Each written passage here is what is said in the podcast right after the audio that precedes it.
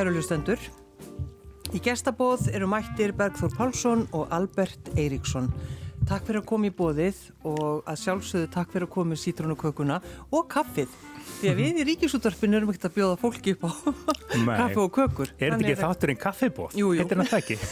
Svo næstu því. Það næstu bæri við. Já, ákvæm bara að fara alla leið og taka með okkur blákauplóta dúkin líka. Já, en er þetta ekki einmitt uh, dagarnir til þess að gera akkurat einhverju svona hluti? Jú, gera sér dagamun, við ætlum um þetta að fara á eftir og, og hérna það er svona hjólatúr hjá fjölskyldunni. Mm. Það er bara stuttur þá að fara á klamparatún og svona og, og kannski nota þennan dúk, er það ekki Albert? Jú, hann verður notaður aftur. Átt eitthvað fleira þetta... kannski, varstu með eitthvað fleira Já, í farteskinu handa þeim? Já, ég er eins og fleiri núna sko í þessari ótíð að ég fer hamförum í eldusinu og baka og baka. Já. Var að bakaði líka skúfuköku Já, sem er alltaf svo vinsal. Já, bakar til að gleima. Já, einmitt. Já.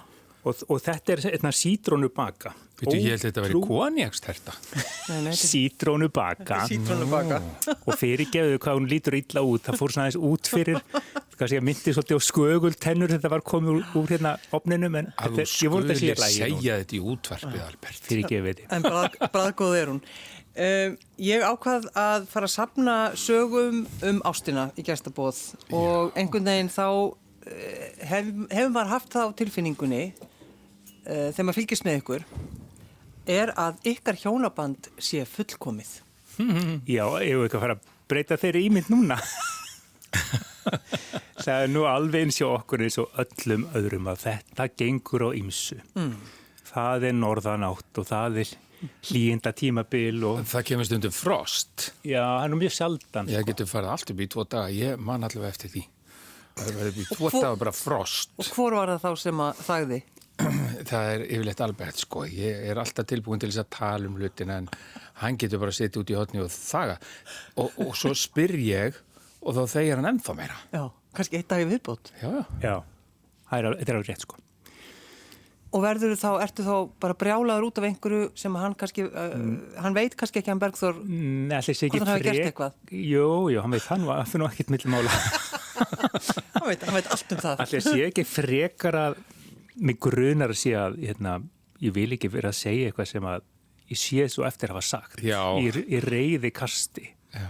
Því það er svo allt og algengt. Já, ég er alveg sammála því og það er oft verið að pretika það að hjón eigi ekki að fara að sofa ósátt og þau eigi bara að tala út um hlutin áður en þau fara að sofa og ég er svo mótið þessu verðin að fólk er kannski alveg brjálað og hérna segir ímislegt sem, sem það svo sér eftir og hefði aldrei átt að segja.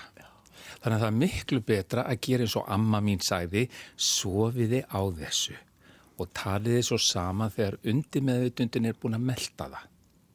Það er akkurat þetta, því að þetta er einmitt setning sem maður hefur heyrt bara í, þú veist bara, já, alltaf. Þið megið ekki fara að sofa ósátt. Já. En nú bara breytu við þessu, það má fara ósáttur að já. sofa, af því oft er það betra. Já. Man, en, er rennu, man rennu reyðir við nóttina. Já, nema ekki hjá þér, af því þú, þú þegir í 2-3 daga, Albert. Það er ekki þannig. það er svona aðeins lengur tíma. Þetta er reyndar mjög langt síðan held ég. Já, já, þetta var í gamla daga. Sko. Við erum búin að þekkast svo lengi en þetta er alltaf svo breytt. 20 ár? Já.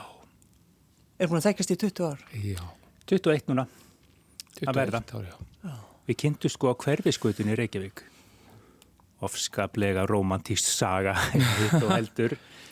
Það var þannig að þá bjóði fyrir austan í minni heimasveit á fáskólusverði og eins og, eins og öll þjóðin þá vissi ég hver Berð þó var og mér fannst maðurinn óskaplega myndalegur og mér fannst bara svo mikið til hans koma og hafði fylst með honum bara í nokkur ár og var alveg viss um að ef ég myndi hitta hann einhver tíma þá ætlaði ég að segja honum frá því bara svona að gefa mig að tala við hann og segja honum hvað mér þættan stórgóðslegu maður. Já. Og ég vissi náttúrulega ekki nákvæmlega hvað ég ætlaði að segja eða hvernig ég ætlaði að orða þetta. Og svo gerist það í januar 1999 að ég stættur í Reykjavík og er að fara yfir hverfiskutuna og hérna sé ég bara ekki sjálfan Bergþór Pálsson rétt hjá mér og þá var alltaf bara að rökkva að stökkva Vilt þú taka vinnuna eða? Já, ég var að býða eftir umferðinni, var sem sagt á mótsið þjóðleikúsið og ætlaði, ætlaði yfir að þjóðleikúsinu og horfið niður eftir, niður að Arnarhól og, og svo allt ínu finn ég að það stendur maður óþægilega þjætt við mig hæra megin. Þannig að Antoni Já, hálsmálaður. næstum því andan í hálsmálið á mér og ég leit svona hægt við. Stendur þá ekki Albert þar? Alveg skælbrosandi út að eirum og segir, ert þú ekki Bergþór Pálsson? Og ég bara, Akkurat svona. E, já, jú, jú. Og uh, svo tókum við Fannst það- saman. fannst það óþægilegt? Nei, mér fannst þetta svolítið skondið, sko. Uh, ég sá um leið að þetta var uh, sko, ekki maður sem ég þyrfti að óttast neitt. Og um, ég sá held ég bara hreinlega að hann var úr sveit. Það var svo, eitthvað svo heiðarlegur á svipin. Svo leysið það Já, endaði við með borgar fólk vitum þetta, eh, Albert minn. Það er bara þannig. En það endaði með því að ég bara bauð honum heim í kaffi og, og hann hefur ekki farið síðan. Ég er ennþá í kaffi. Það er Þannig bara þessu andartæki, þú bauðst honum heim strax. Já, já. Og já, ég tók kannski áhættu en, en nei í rauninni enga en eins og ég segi, hann var svo heiðarlegur í framann. En svo kom hann fljótlega í mat og uh, þá kom hann einmitt með konjakstertu. En ég var með kjúkling í opninum og Albert hann er svo ótrúlega hérna opinstundum er fyrir ekki, það er nú að segja frá öllu hérna í útvarpi. Já, já, það er þarf. já, Já, ég ekki áfram. segja frá Jú, þessu. haldu það áfram. Það áfram. var ótrúlega skrítið, ég er alltaf þekktar ekkert mikið. En svo er kjúklingurinn í opnum og ég segi, heyrðu, alltaf þessi ekki bara komin tíma á ekki- viltu ekki bara taka hann út? Og Albert stendur út upp og ber sig, setur hendina að renni losnum á buksur og sem, jú, jú, og svo náttúrulega bara hlóðu við alveg rendi eins og fárálingar. Hann tekur oft upp á einhverju svona í hverstvarslífinu að hérna koma hann á óvart og, og kannski, já, ganga pínlítið langt. Já, og, Og vera- þú ert kannski ekki vanur þessu veginn þú ert svona, kurt, svona kurteis maður. Engan veginn var ég vanur þessu, ég er orðin mjög vanur því núna og ég hlæ mjög mikið og mér finnst það bara mjög gaman og þetta er einmitt kannski það sem er leikill í góðum samböndum held ég, það er að geta hlægið í hversteginum. Já. Eh, Það þarf ekki að vera alveg svona gróft en það, En hvenær svona vissuði Bergþóru og Albert að, að þetta, þetta væri eitthvað? Ég vissi Hvenær strax. Koma, þú vissi strax? Bara strax. Varstu bara kannski bara skotin í honum áður að hún hittir hann? Já, kannski í raun án þess að vita það endilega. Og um bara leiði hittan þá vissi ég að nú var eitthvað að gerast. já, ég held ég hafi líka vitað það strax. Já. Ég var í rauninni á svona svolítið tímamótu, ég var búin að vera mikið í leit.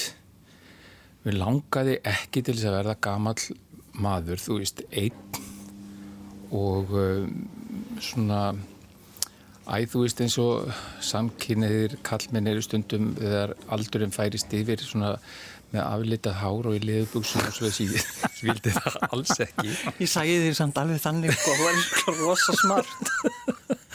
En allavega, mér langaði bara að kynnast manni og það var alveg skrifað á ennið á mér, vill einhver giftast mér og um, það bara virkaði ekki.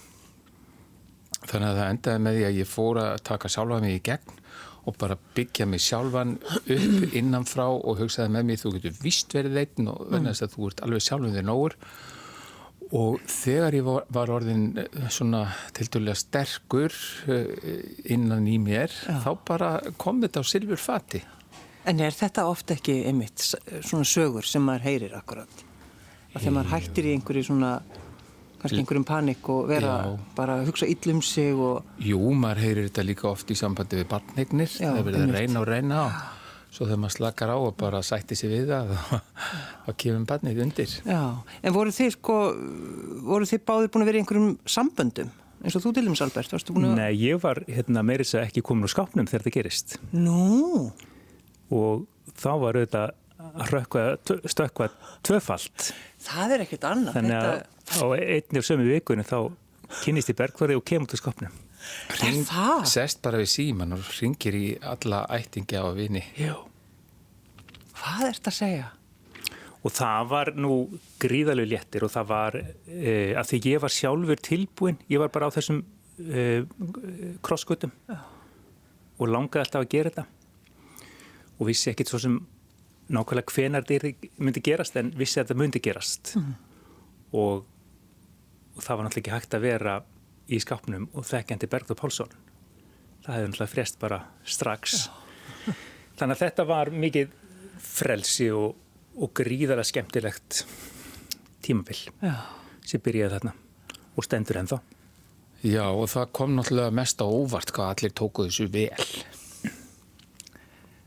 Já mjög.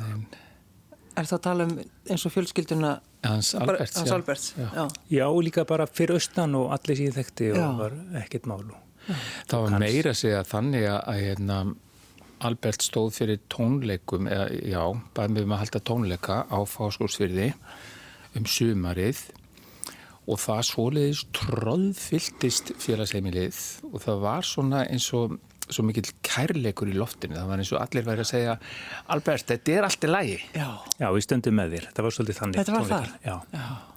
það var mjög var mjög notalegt. Mm. af því auðvitað er þetta erfitt fyrir alla að koma skapnum þó að léttir eins og svo mikill þá er þetta þetta er skref að taka. Þetta er svolítið ótrúleitt í rauninni bara einhvern veginn hverfiskatan og þið einhvern veginn, þú veist, þetta er eins og þetta var skrifað í skíin eins og sagt er. Hverfiskatan, fáskusörður, kaffibóð Varstu þá að syngja frönsk lög þarna eða hvað varst að gera? Á þessum tónleikum? Já, Já það var nú eh, það var, og þetta voru tónleikar með ymsu klassísku efni úr svona hinum og þessum áttum. Mm. Það var Schubert og Schumann og jú líka fransk lög, Ravel og, og eitt og þetta og einhverjar óperarjur og líka íslensk sönglög. Ég man vel eftir þessum tónleikum. Og, um, en svo aftur á móti hef ég uh, í gegnum tíðina mjög oft uh, sungið á tónleikum sem að Albert hefur í rauninni verið undirrótin að. Því að hann tók fljótlega að sér að vera með sapn á fáskúsfyrði um franska sjómenn á Íslandi. Þar var hann með kaffehús líka og uh, svo komu upp þessir frans-frönsku dagar á fáskúsfyrði og þá tók hann það að sér að, eða sem sagt, já, fekk mig til þess að koma uh, og halda tónleika á fáskúsfyrði með ýmsum gestum og við fengum, ég veit ekki hvað ár eftir ár komið nýji gesti þá er Egil Ólason og það var Dittu og Brynhildur og Jóhanna Vigdís. Sigun Eðvalds margir margir, margir margir. Margir fleiri. Og það var oft lagt upp úr svona ymsu frönsku sko. Já. og til dæmis einmitt þegar Brynhildur og, og Jóhanna Vigdís komið þá voru við með svona chanson eða sem sagt þessi þessi gömlu frönsku harmoniku tægurlög þú Já. veist og um, já, já það, og ég hef reyndar gert rosalega mikið að því en ég var skiptinum í Fraklandi og ég áttaði mikið á því þá hvað tungumáli myndi, myndi hjálpa mér í sögnum já. og þetta var þannig að sko, við eigum vinabæ, fársluðsörður á vinabæ í Fraklandi og það kom alltaf gestir þaðan á franska daga og á tónleikana. Og þeim var svo stórgóðslegt að hitta Íslending sem gæti sungið svona fallega á frönsku dáðust að því og ekki nómið það því að á kaffjúsinu þá kom Bergþór Gjarnan og, var að stúsast og, og baka. Og svo vippan af þessi sundunni þegar kom rúta og, og söng fyrir og leta að syngja með sér franst sjómanarlag sem að allir þekkja vel. Já, já. Ég baði ykkur, já, ég baði ykkur að velja þrjú lög og eitt af þessum lögum er einmitt uh, franst það er hinn hin dásamlegi Yvonne Já Sous le ciel de Paris Já, mm -hmm. er þetta þessi frönsku tengsl ykkar? Já, einmitt Þess að sem veljið þetta lag? Já, einmitt Og samt svolítið gaman líka þessi tengsl uh, Albert og fransku, fransku spítalinn og, og allt þetta og þú með fransku lögin já. þetta var, löng, var löngu búið ákveð þetta því við enda saman við skulum, við skulum leggja við hlustir í Montan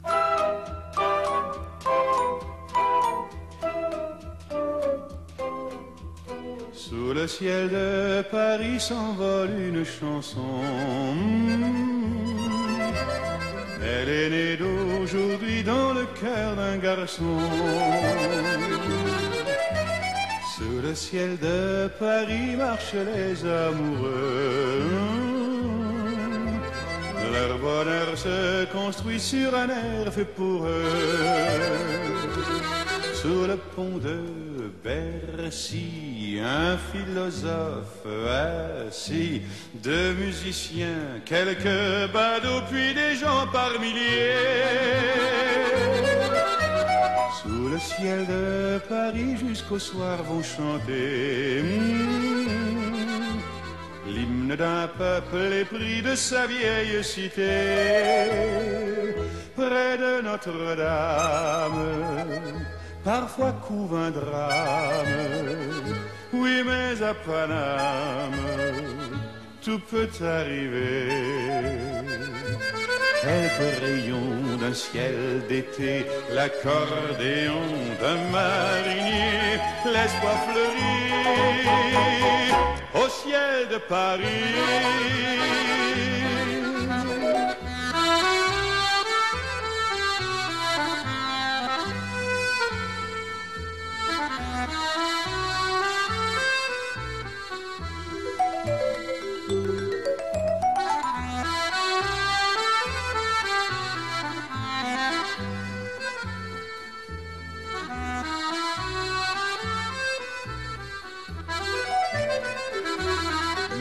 Ciel de Paris a son secret pour lui. Depuis vingt siècles, il était pris de notre île Saint-Louis. Quand elle lui sourit, il met son habit bleu. Quand il pleut sur Paris, c'est qu'il est malheureux. Quand il est trop jaloux de ses millions d'amants, fait gronder sur nous son tonnerre éclatant. Mais le ciel de Paris n'est pas longtemps cruel. mm, Pour se faire pardonner, il offre un arc-en-ciel.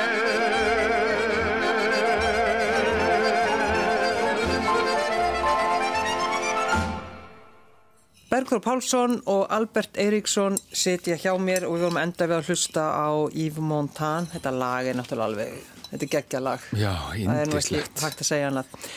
Um, hvað er það sem að þið gerir? Því við, við byrjuðum náttúrulega því að tala um uh, þegar að, að Albert fyrir fílu. Já. Þetta er rosa gott út af þessi efni. ég ætla bara alltaf að nefna þetta alveg út allan þáttu þegar Albert fyrir fílu. en hvað svona, hvað gerir þið? Að því að, að því ég talaði mitt um þetta, þú veist, maður, he- svo margir sem halda að þið, ykkar líf sé algjörlega fullkomið og, og þið rífist aldrei við allt þetta. En hvað er það sem þið gerir til þess að bara passa upp á ykkur Já. og ykkar, ykkar samband? Um, mér finnst rosalega gott ef ég er ósáttur við hann að einhverju leiti að setjast niður og skrifa niður uh, kostina við hann. Mm. Vegna þess að svona í, já, í hita leiksins þá er það oft, uh, þá er svo auðvelt að gleyma því af hverju við erum saman og gleyma því hvað það er sem að hérna, maður laðaðist að og um, þá líður manni einhvern veginn allt öðru vísi á eftir þegar maður er búin að velta þessu fyrir sér og uh, sér vandamálið í nýju ljósi Já. og einhvern veginn nálgast það á miklu auðveldari hátt. En akkurat þessi, þessi spurning, sko, af hverju laðaðist ég að viðkomandi? -hmm. Það er kannski það líka að, þegar maður, ef maður gleymir bara að hugsa, hugsa það. Ég held að gleymiði mjög margir. Já, Af því að við þurfum líka, eins og Bergþór segir, að minna okkur á það og bæði höfum við skrifa niður kosti hvors annars, kannski einu sinni skrifuð niður fimm kosti og einu sinni tíu kosti og einu sinni skrifuð niður tíu kosti og tíu svona ókosti eða svona sem betur mætti fara frekar. Og það var líka ótrúlega sem gaglegt. En það var fara. svo ótrúlega erfitt nefnilega Já, að finna hvað mætti betur fara. Já, það var Ég það. komst ekki nefn upp í fjö, fjöguratriði og byrju hvað hva geti, hva geti ég vindið það var aðlega nú sokkana. Já, ég átti það til að henda sokkonum svona eitthvað og það var eitthvað svona smá kuldi út af því. Já, ég þól ekki sokka á gólfinu. Og svo er náttúrulega sko, það er nú leindar vandamál sem er ennþá að því ég sé um þottinn að hann hefur einhvern veginn ekki lært að fara úr sokkum. Þannig að hann fer úr þeim öfugum skilur, hann bara, bara ítir niður, legginn og, og fram og þá er þeir öfugir þegar hann er komin úr þeim Þú veist að við erum í útvastætti, við erum ekki hjá sálfræðingi. Ó, sko. Sigurlegur er ekki sálfræðingi. Jú, jú, jú, jú, ég er það. Dregur hann sokkin svona og Fram. leigir honum. Nei, hann er hættur að flega Ha, já, já, ok. Nei, þeir fara alltaf í ákveði hólf sem að ég bjóð til fyrir sokk og nærbuxur Þetta er ótrúlega flott sístem hjá mér Já, Ég hérna, let byggja skáp sem að er með þremur hólfum einn er með svona hólfi fyrir nærbuxur og sokka einn skápurinn er með hólfi fyrir hérna, mislitt, þú veist, bóli og allt mögulegt og einn skápurinn er fyrir hvítt og þegar þessi hólf eru full þá passaðu nákvæmlega eina þóttæl vá. þannig að þú er. aldrei að sortera og hann setur alltaf sokkana hann í sokkahólfið sko. En Þetta er alveg að koma. mjög oft har ég snúaði við því ég er að hengja það upp og þá hugsa ég með mér hvernig, hvernig er barnið aðlýður En sko, en Albert, fer þetta ekkit í töðaræður við Bergþór, einmitt svona, þetta er náttúrulega, þetta er einum of. Jú. já ég er örgulega með einhverja greiningu svona, hvað heitir þetta OCD eða eitthvað alveg öruglega það þarf alltaf að vera svo Allt svona einhvern veginn pott þér. raðað já. En svo höfum við líka farið, hérna, við höfum bæði haldið svona heimilisundi, þar sem við bara tökum fyrir eitt og annað sem þarf að gera. Er það svona töflufundur eða eitthvað sluðis? Já, og svo höfum við það sem hefur nýst okkur kannski einna best á öllu, öllu þessum árum, þessum árum, er að halda kaffihúsavinnufundi og þá höfum við farið með tölvunar okkar á kaffihús, eru með sameilegt skjál og þá eru við bara báður að vinna í skjálinu og svo tölum við bara um það sem að líkur fyrir og hvað þarf að gera og hvað er búið að gera mm. og, hérna, og skiptum okkur verkum hver gerir hvað Já. Og þetta En- er svo já. gaglegt. En núna náttúrulega vinnið svo mikið saman um, og taka móti fólki og svona og það hefur náttúrulega ekkit verið núna síðan, að, síðan í janúar. Nei, þannig að þá bara... Nú horfum við bara hvort annan. Já, já. Það er ákveðin áskorinn líka. Já. En þetta er allt gengið vel. Við bökum bara kökur og... Það var reynda taldið skríti sko, við við nefnilega uh, í fyrra sumar þá var ég í óperu á Seyðisfyrði og þar er hún Þóra Guðmundsdóttir með hótel og við kynntumst henni ágætlega. Og hún fyrir að segja okkur frá hóteli sem er á Indlandi sem hún á. Og uh, einhvern veginn kviknaði bara ljós í höfðunum á okkur báðum held ég og við segjum, heyrðu við komum. Og af því það var þetta góður tími til stefnu þá ákváðum við að fara í februar þar sem var laust hjá henni. eh, svona lítið hús við hótelið.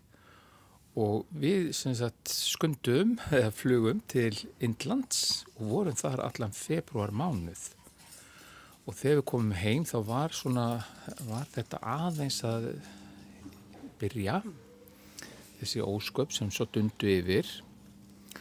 Þannig að bara mjög fljótlega varð urðum við alveg tekjulausir allt í einu. Og við vorum einmitt búin að miða við það að því við höfðum ekki haft tekjur í februar að eh, við myndum vinna eins og vinna okkur raskat í, í mars. Brett upp ermar. Brett upp hérna svo kvölduðu ermar sem við höfum. Já, já, Já. en þetta er nú bara svona og, og það er svo margt sem við þurfum að, margir skellir sem maður þarf að taka í lífinu en þessi skellur er náttúrulega sá sem að enginn bjóst við, Nei, bara ekki nokkuð maður í heiminum og uh, þetta hefur verið mjög serkennlegt Mm. ástand. En það sem saminar ykkur í, í því öllu, uh, það er lópapeysur.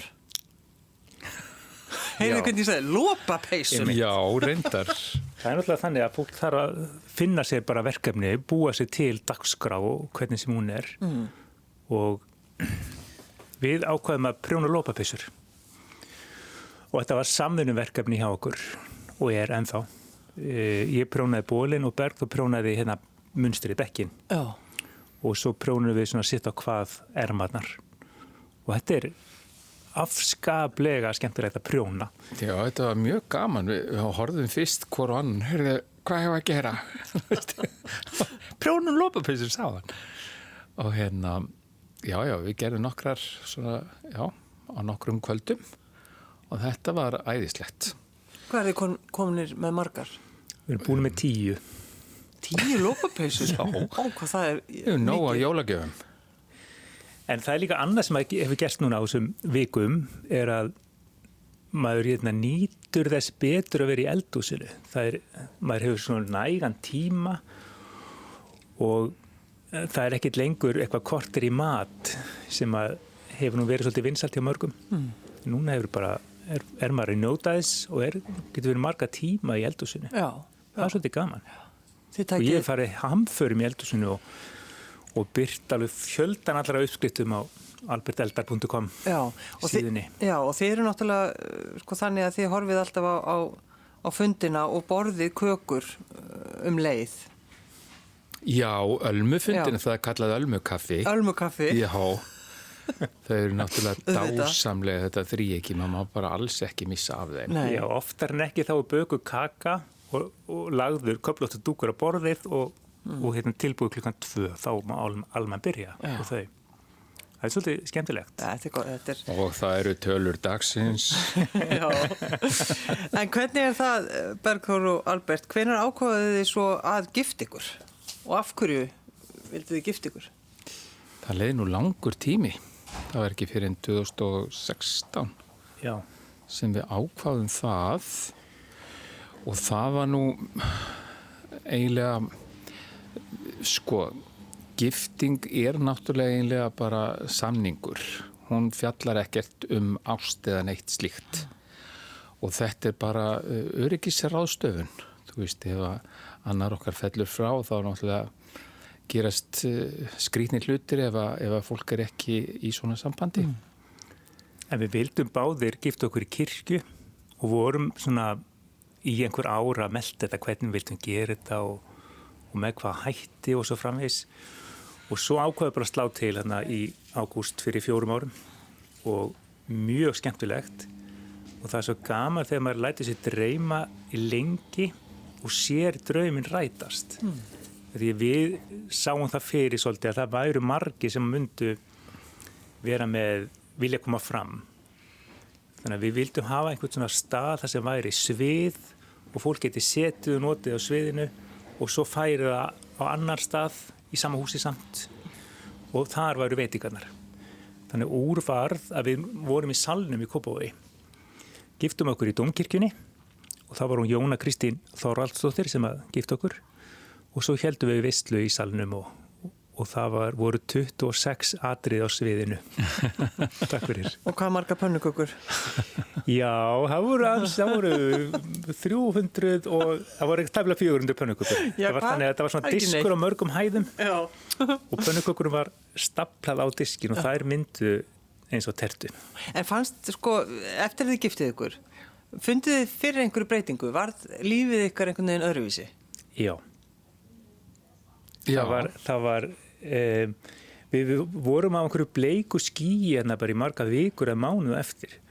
Og það var svo notar þetta að finna aftur hérna, þú veist þessa sælu tilfinningu og maður vildi ekki endilega fara úr henni í hverstaginn maður er svona að halda í henni sem að, sem að gat og það gekk alveg vel. Já, vor, voru þið svolítið hissa á því í rauninni hvað, hvað áhrif það hafði á, á ykkar líf að giftast? ég myndi setja að það hafi verið eins og auka bónus þessi sælu, sælu vikur og eftir. Já, það er öryggistilfinning sem fylgir þessu og það er náttúrulega, má segja, kannski grundvöldur að hamingju, það er að hafa öryggi á mörgum síðum, margir tala um fjárhagsöryggi og þess áttar og eins og hefur nú komið fram undanfarnar vikur að þegar fólk er komið með miklar áhyggjur og kvíða, þá ekst ofbeldi. Þannig að eh, öryggi á ýmsum sviðum skiptir miklu máli og þetta er eitt af því fyrir okkur allavega. Og, og þegar þið löpuðuð inn kirkjugólfið, hvernig leiði ykkur í maðunum? það var svona smá fyrildi en, en mikil sæla og þetta er svo gaman að því að e, það er allir eru komni til þess að samfagna mm. þannig að sælustíið í kirkjunni er markfallt. Já. Það er ótrúleg tilfinning að ganga einn kirkjukól og allir horfa á mann og allir brosa. Það er alveg ótrúlegt og þá einhvern veginn þarf maður að hugsa um hvað það er mikilvægt að eiga bakland í, í lífinu. Þannig að, að, að þessi ákvörðun að gifta, gifta, gifta ykkur var rétt ákvörðun þó að uh, þið talið fyrst um það jú bara til þess að uh, samkvæmt svona út á reglugerðum og eitthvað slíkt sko þá er þetta samt þetta er romantíst og, og þetta já, já þetta er breytir punktur niður yð og, og það er líka kannski eins konar viðkenning á göllum hins að maður vill, hérna, maður ætlar að sætta sig við þessa þrjá galla sem eru hjá bergfórum mínum. Jú, jú. En þá er einmitt komið taland um galla og, og það að það er sem sagt að, að, að þátt að ala þig upp að þú ert náttúrulega sveit. Aldeilis. Og, og, og svona þetta menningarlega uppeldi sem að hann, hann Bergþór er svona búin að fara í gegnum með þér. Já, ég fóð nú kannski aðeins og geist í það því að ég ætlaði að fara bara virkilega að taka henni gegn svona tónlistalega Já. og bara fljótlega eftir við kynntumst þá hugsaði ég með mér, heyrði ég fer með hann hérna á nútíma tónleika og það voru ímis nútímaverk svona, já, eftir marga höfunda og svo byrja náttúrulega hérna músikinn sem var nú af ímsu tægi en mikið af þessu uh, atónarlega já svona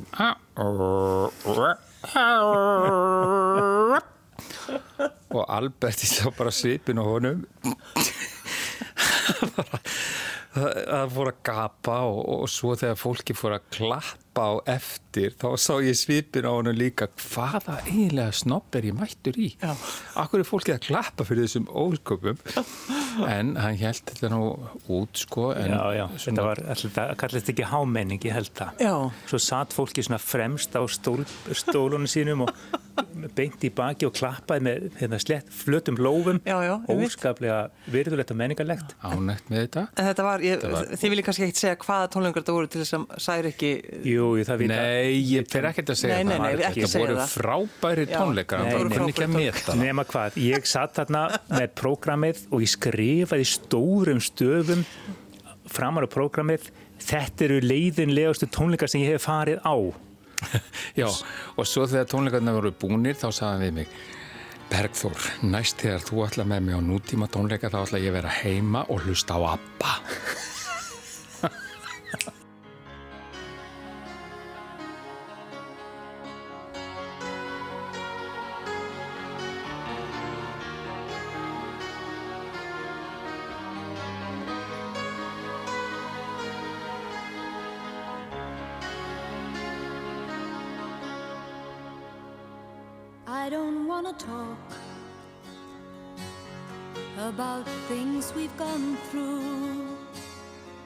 it's hurting me.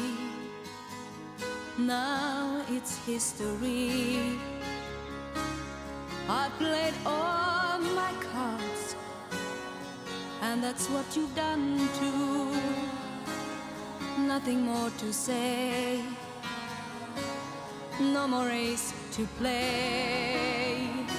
The winner takes it all, the loser standing small beside the victory.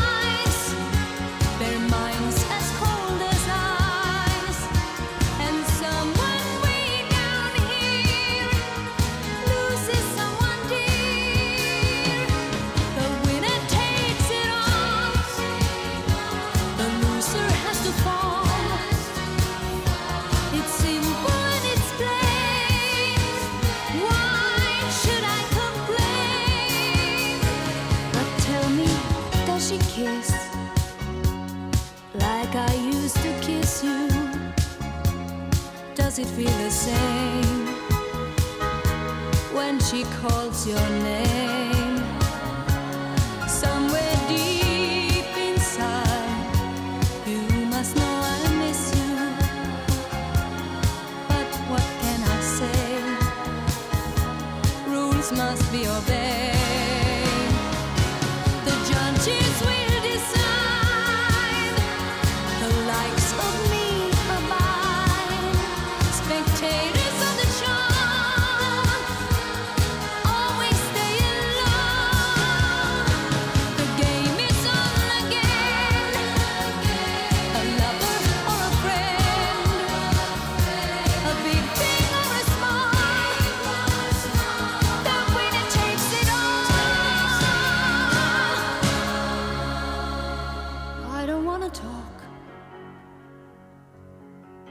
If it makes you feel sad, and I understand.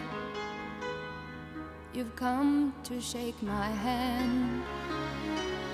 I apologize if it makes you feel bad seeing me so tense.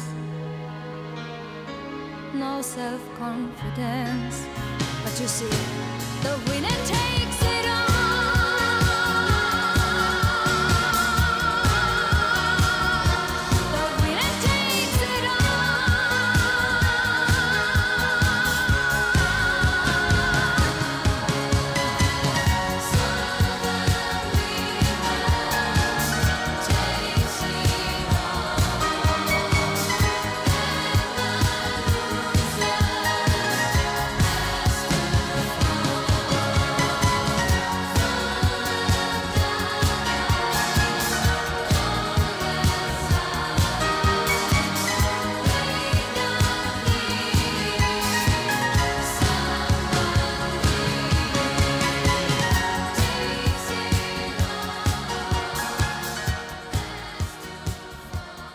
Í gestabóði sitja hjá mig Bergþór Pálsson og Albert Eiríksson og við náttúrulega erum bara búin að tala um ástina og erum að hlusta hérna á ABBA eftir að, að Bergþór var í rauninni eidilaði allt þetta menningarlega uppeld er það ekki sem var, hann var að reyna.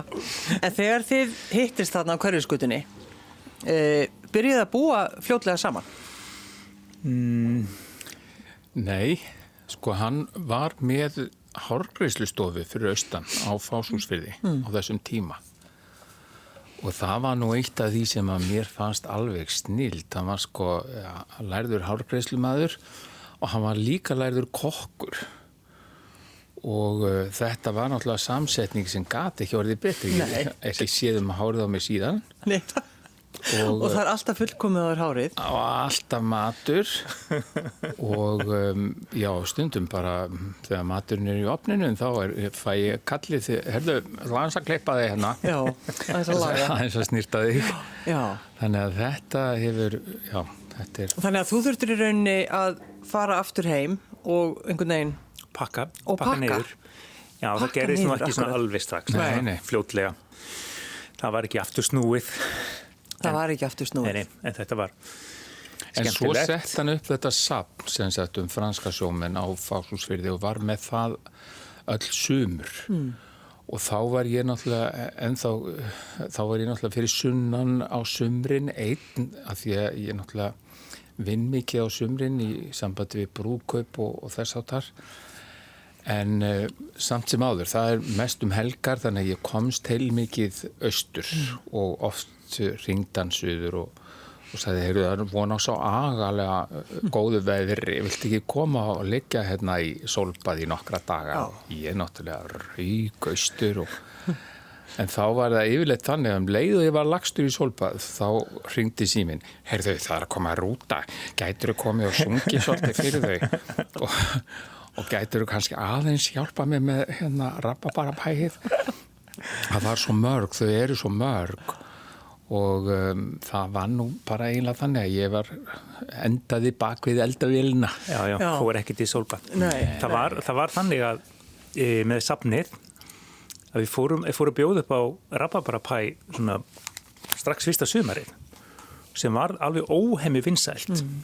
Og úr var það þetta var bakað á hverjum degi í öll árin og oft á dag var baka rababarabæ. Já, Og einmitt. þetta er náttúrulega svo mikil snild að nota rababaran á meðan hann er ferskur og þetta er svo auðveld og öllum finnst þetta gott. Já.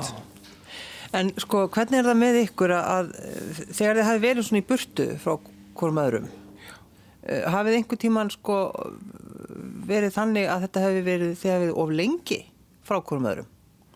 Það verður aldrei verið meira en sumar. Nei. En uh, við höfum náttúrulega alltaf sérst þó að við værum í, í burtu. Ég, ég hef alltaf getað komist austur. En ég held þetta að hafa nú bara haft svona góð áhrif ef maður hugsaður þannig. Já. Af því það það er svo notar þegar maður finnur þessa þennan söknuð og, og bara símtölin og, og allt það og tilhökun að fá að hittast aftur. Það er mjög gaman. Já, Það er bara mjög gott finnst mér að, að finna að það sé eitthvað sem vantar. það er svolítið rétt. En við höfum alveg farið stundum sitt ykkur lægi svona að það er líka ágætt að kvíla sig aðeins. Já, já. Bergur var að opna sig hérna. Já. Kemur alveg, að er svona aðeins kannski einstaka En sinni. ekki þannig, maður þarf svolítið bara að fara sjálfur í Já. naflaskoðun og svona hugsa máli og hvað er framundan og kortleika aðeins. Þið hefur svolítið gert það, er það ekki? Jú, Svona, Albert hefur farið í utanlandsferðir og, og svona ég hef ekki farið kannski mikið. Jú, ég var eins og neitt mánuð í París. Þá er ég að stúdera bara. Um, nei, við höfum ekki gert mjög mikið að því en mér finnst það mjög sniðugt og mér finnst engin ástæði til þess að hjón séu eins og samlokur. Þó við séum það. já, Já, kannski of mikið, en það er... En auðvitað, þó við séum kannski mörgur þetta líkir, þá erum við samt ólíkir. Já, Mér fannst til dæmis eh, og finnst ofbúðslega gaman að baka og bjóði kaffi og svona og hef miklu meira gam, gaman að því heldur Bergþór. að, hitta fólk, ertu að meina það? Já, að bjóða Já, heim og, heim, og svona, já. þó að hann sé alveg í þessu og allt það, þá er bara þörmin einhverju meiri en hans. Nei, það er bara, hann er úr sveit og þetta er allt öðruvísi menning sem hann kemur úr, þú veist, þetta var tvíbíli og, og það var alltaf stanslaus samgangur og það sat alltaf í kaffi hvert hjá öðru Já. og situr og situr og þetta bara, ég kunni ekkert á þetta. Þú bara skilur þetta ekki. Nei, ég skildi þetta ekki og ég er í rauninni sko líka frekar einrætn í mér, ég þarf aldrei tíma með sjálfur mér oft og ég vinn náttúrulega mjög mikið einn, ég meina uh, fólk sér náttúrulega ekki vinnuna þegar það sér mann upp á sviði, það sér ekki að maður situr oft klukkutímun saman og er að læra texta og, og svo framvegis og spekulir í músikinu og allt það það er svona vinna sem ég vinn algjörlega einn og mér finnst það alveg frábært En það var kannski þá sem ég fór aðeins svona yfir strikið. Ég áttaði mig ekki á því að það væri kannski ekki mjög æskild að vera með marga í kaffi þegar það væri frumsýning í óperunni og svo framvegis. Þannig að ég, það var svona einhver smá kuldi þannig út af því þannig. Á komið árunum. komið með góða tilfinningu fyrir Já, já, þessu. nú er ég hættur að, nú býð ég ekki kaffi er frumsýning. Sko. Ekki ef það er eitthvað mikilvægt á segði. Sko, Segðu svo að mér fari ekki fram. Já, Þetta er bara heilmikið breyting. Alveg, rosa breyting á, Já. á, á stráknum hann úr sveitinni. Já, Já, það er alltaf þetta að, að Albert er kannski áður en hann veit að þá er hann búin að mynda orðin alveg komiði í kaffi Mhm. Veist, áður, áður en hann veit af. En þetta er náttúrulega sko hjá mörgum svona fyrstu árin, í mörgum pörum sem Já. er að byrja sambúð, að þá er þetta þessi hnögrar, það þarf þetta að finna út ímislegt og tala um fullt af atriðum eins og bara með e, sem það ekki bara einfalt dæmi jólamati af því að það er nú aldrei umræð sem þarf að taka með hann mm. af því að á fæstum stöðum er þetta eins einhverju teimur heimilum og ég var til dæmis alveg við það að heima var sest, við borðum klukkan 6 þegar þögni, þögni var. Og svo þegar uh, messan byrjaði þá var byrjað að borða. Þá var það heilagt. En það var svo, hérna, ekki eins hjá Bergþóra því að hann var svo ofta að syngja á þessum tíma. Og mér fannst þetta þræl erfitt fyrst að vera ekki hérna, að hlusta á þögnina í já, það er svona ímislegt sem þarf að venjast við þetta. En uh, ég vil nú að taka fram að því að vorum að tala um þessi kaffibú, ég er alls ekkert á mótið þeim skilur. Nei, nei, nei. Ég finnst það bara mjög skemmtilegt. Heyrið það alla mína vinkonur, velkomnir í kaffi Já, Hægt en að það er mæta. svo skrítið. Nei, ekki Berg fyrir heima. Já, en hann hvetur náttúrulega mikið til kaffibóða en, eh, en hann er, hann er dalti lúmskur, ég tekið eftir því að hérna, stundum fæ ég skilabóð á símanum, heyrðu, Edda Björgvin saðist alltaf koma í kaffi klukkan tvö og svo hérna kemur Edda Björgvin sem segir, takk Albert fyrir að bjóða mér þú veist Já, Þá stendur Albert og hristir hausinn. Já, þá Já. fannst mér hitt líta miklu betur. Já, út. lítið betur út Já, einmitt. En hún er reyndar eina manneskjan sem að bankar upp á hvena sem er og eins og bara í sveitinni. Sko. Já. Það er mjög skemmtilegt. Mjög. En þetta með morgunkaffið í rúmið, er þetta eitthvað sem er er þetta eitthvað mikilvægt? Ég manu ekki hvernig þetta kom til, en það er þannig hjá okkur að sá sem vaknar á undan, hann hellir upp á kaffi og færir hinn um kaffi í rúmið. Já, það er bara þannig ef hann er farin fram þá fer maður ekki fram úr. Fyrir maður fær kaffi. Já, auðvita. Og, og byttu á brauð og allt saman, eða bara kaffi? Nei, nei, bara kaffi. Við erum reyndar eiginlega uh, svona, við vorum á undan tímanum, við vorum konur í 16-8 lungu áður en fólk fattaði hvað það var. Við hérna fáum okkur bara kaffipotla á mótnana og Já. borðum yfirleitt ekki fyrir um hátti. Nei. Já. Það er, það er, það er góðu siður. Já, það er bara náttúrulega mísamt hvað hendar fólki, það hendar okkur mjög vel. Ég hef enga list á mótnana En, og Albert ekki heldur. já, en er þetta stundu þannig sko, alveg Bergþór fyrir fram úr og þú, Albert, situr og býður, þú veist, langar kannski að fara fram úr en þú bara, það er bara regla, þú fer ekki fram úr fyrir þú ert búin að fá kaffið. Já, er það bara þannig? Það er bara þannig. Já, það líður nú ekki langur tími, sko. Þetta er það fyrsta sem er gert. Við getum ekki vaknað fyrir að fáum kaffi. En eru sko, eru þið einhvern veginn, uh, er það að renna saman í eina mannsku? Já, við drögum dám hvora öðrum. Já, það eru margir sem segja að við sem við farnir að líkjast og það meiri segja þannig með vegabrifin okkar að við komum á, hérna, á flugullin og, uh, og, það, og fólk lítur á vegabrifin og þá spyrir það yfirleitt hvað er hvað. Já, Í myndirnar eru mjög líkar. já, Og svo mjög bara gaman að segja frá því að sumir halda við sem feðgar, að Bergþór sé í sonu Bergþórs. já, um mitt. Það er óbærilega skemmtilegt. Já, fyrir þig. Orðið. Já. Eh, Það er nú reyndar eiginlega alveg hægt held ég. Ég held að Já, það, það var nokkur spurt okkur hvort við séum bræður. á Indlandi þá var það eiginlega í hverri búð sem kom í, þá leitt fólk á okkur svona til skiptir og sagði, "Við- eru þið bræður? Já, Við varum náttúrulega norrænir öðruvísi heldur en fólk er flest þar. já, já. En svona, eh, sko, smekkurinn á, á músikina, þú veist, ertu búin að þjálfa hann þannig? Já, hann er náttúrulega búin að fara á ótal tónleika síðan hann kynntist mér og, og nýtur þess og nýtur þess að fara á óperu sem er eiginlega alveg stórkoslegt. Já, Mér finnst það bara oft svo mikil synd að fólk kynnist ekki til dæmis óperu. Það er svo margt í heiminum sem maður þarf bara aðeins að komast á bræðið með og þá allt í hennu verður þetta eitthvað sem er mikil lífsfullnæja.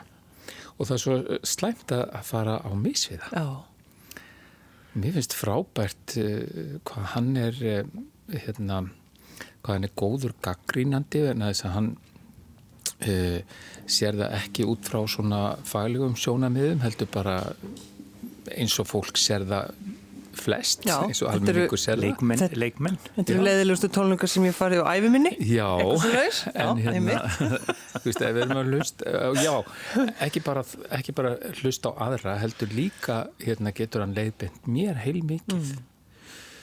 Þú veist, mér fannst þessi tótt svona svona og, og, og þú mætti standa öðruvísi og hitt og þetta sem að kannski enginn myndi segja við mig, skilur. En svona eins og, þú veist, eru þið með sameiginlegan fattaskáp til dæmis? Eru þið með sama smekk? Nei, Sama fattasmekk? nei. Nei, ekki með sama fattaskap og Nei, mér langar til að í nýja húsinu höfum við tvö fataherbergi sitt hvort. Og þá getur hann farið úr sokkanum eins og hann vill. Alveg. Og þau ég sjálfur öfuga. Já, bara verðum velkomin. Já, en þannig að, að, að því þið talið einmitt líka um þetta sko að skrifa niður kostina, morgun kaffi í rúmi, það er eitthvað svona romantist við það. Og svo er það þessi áhugamál, sko, þið eru kannski ekki með sömu áhugamálinu mitt. Það er svona einhvern veginn að, að virða þau eða, Já, ég þessi svolítið svona, einmitt, að virða áhamál hvors annars og í öllum samböndum að, og að hvetja fyrir eitthvað en letja. Já, af því að stór hluti af líf okkar fer í allt annað heldur en vinnu. Það fer bara í svona, maður myndi kannski segja næstu ekki neitt. já, einmitt. Já, sem er kannski mjög mikilvægt samt sem áður því að áhuga mál geta uh, veitt hamingju Já. En uh, stundum hugsa maður kannski með sér hvað ætlar hann að sitja yfir þessu lengi, veist, það, það þarf að skúra hérna, það þarf að ríksuga en hann er alveg á kafi í einhverju tölfunni sem að, uh, sko, veitir honum mikla fullnægju. Og þá verður maður náttúrulega að skilja það. Ég tek svona köst líka, þú veist, ég bara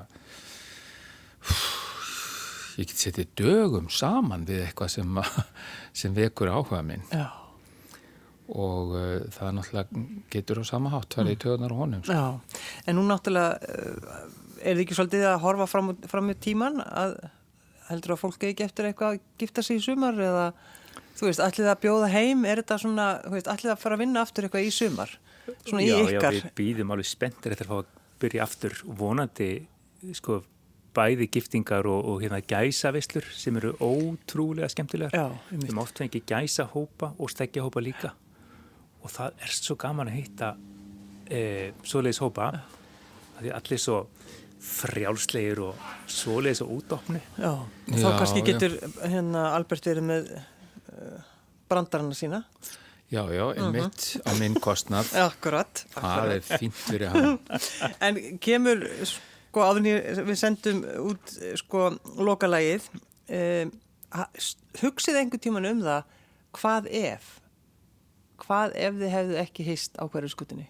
Já, maður hugsa náttúrulega bara oft um það hvað ef þessi eina sæðisfruma hefði ekki hitt ekki en að mömmu skilur þú veist það er svo margt í lífinu sem, að, sem eru ótrúlega tilvíljanir en kannski bara engar tilvíljanir kannski er margt að þessu skrifað í einhvers konar net. Ég held, kannski ég hugsa ekki endilega um það, ég er bara að hugsa meir um hvað ég þakkláttur af ég hafi verið þarna og við höfum báðið verið á sama tíma. Af því að e, það breyttist ekki bara sumt, það breyttist raun allt til hins betra. Já. Ef ekki að hafa þetta loka orðin? Þetta er bara fín loka Þetta eru mjög fín loka orð. Uh, segið okkur samt aðeins frá læginu. Það er kannski rástinn, það er, það er lokalægið. Það er ekki þú og Eyvi? Jú, það er, við Eyvi sungum þetta saman fyrir mörgum árum en þó ekki saman því að hérna, ég, það ringdi mig frá einhverju góðgerðar fyrirtæki, ég man ekki hvað það var og ég var beðin um að syngja sem þetta duett með Eyva og ég var beðin að koma í stúdíó bara daginn eftir og ég gerði það og hérna fóð síðan bara heim og, og, og vissi ekki að þetta myndi hérna eh, verða nokkuð tíman á vegi mínum aftur en svo fór Eyvi í stúdíó einn og, og hérna svo bara gerðist það um sumar þegar þetta lag fór að hljóma í útástöðum og maður gæti eiginlega ekki sko opnað fyrir útarp að heyra þetta. Og þá kynntist við Eyvi svo vel og, og höfum oft tekið þetta lag Já. síðan og hann er náttúrulega bara einn af mínum bestu vinum og tónlistarvinum líka. Og frábær ég fæ alltaf í músikant nén fyrir flytið þetta lag, sko. Bergur Pálsson og Albert Eiríksson, takk fyrir að koma. Takk Kanski er ástinn sumum sæluhús í svörtum norðan byr og hún vekur vonum munað og hún veitir hjartan sér.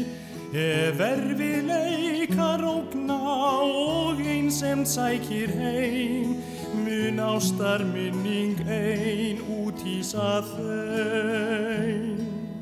Kannski er ástin eins og gluggi og opnar stofudyr og hún býður þér í bæinn og betra líf en fyrr.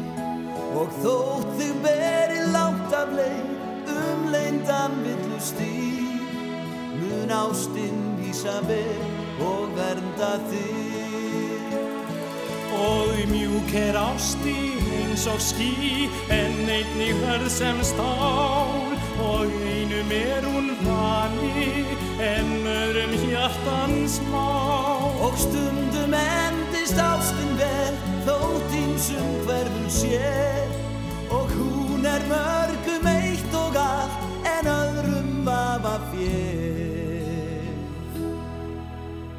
Kannski er ástin eins og sjórin full af öfgum köld og hlý. Líku steldi þegar út er kallt og æstum þrömugný Ef allt að óskum gengur og eilífð býður mín mun endast allar tíð mín ást til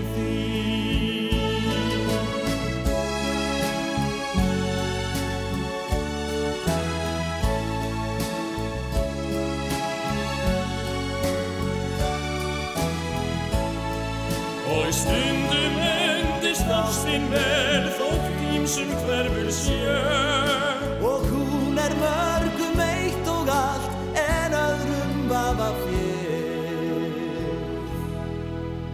Kannski er ástin eins og sjórin Full af aukum köld og hlý. Líku steldi þegar út er kallt Og æstum frumugný Ef allt að óskum gengur Og eilífð býður mín Mun endast alla tíð Mín ást til þín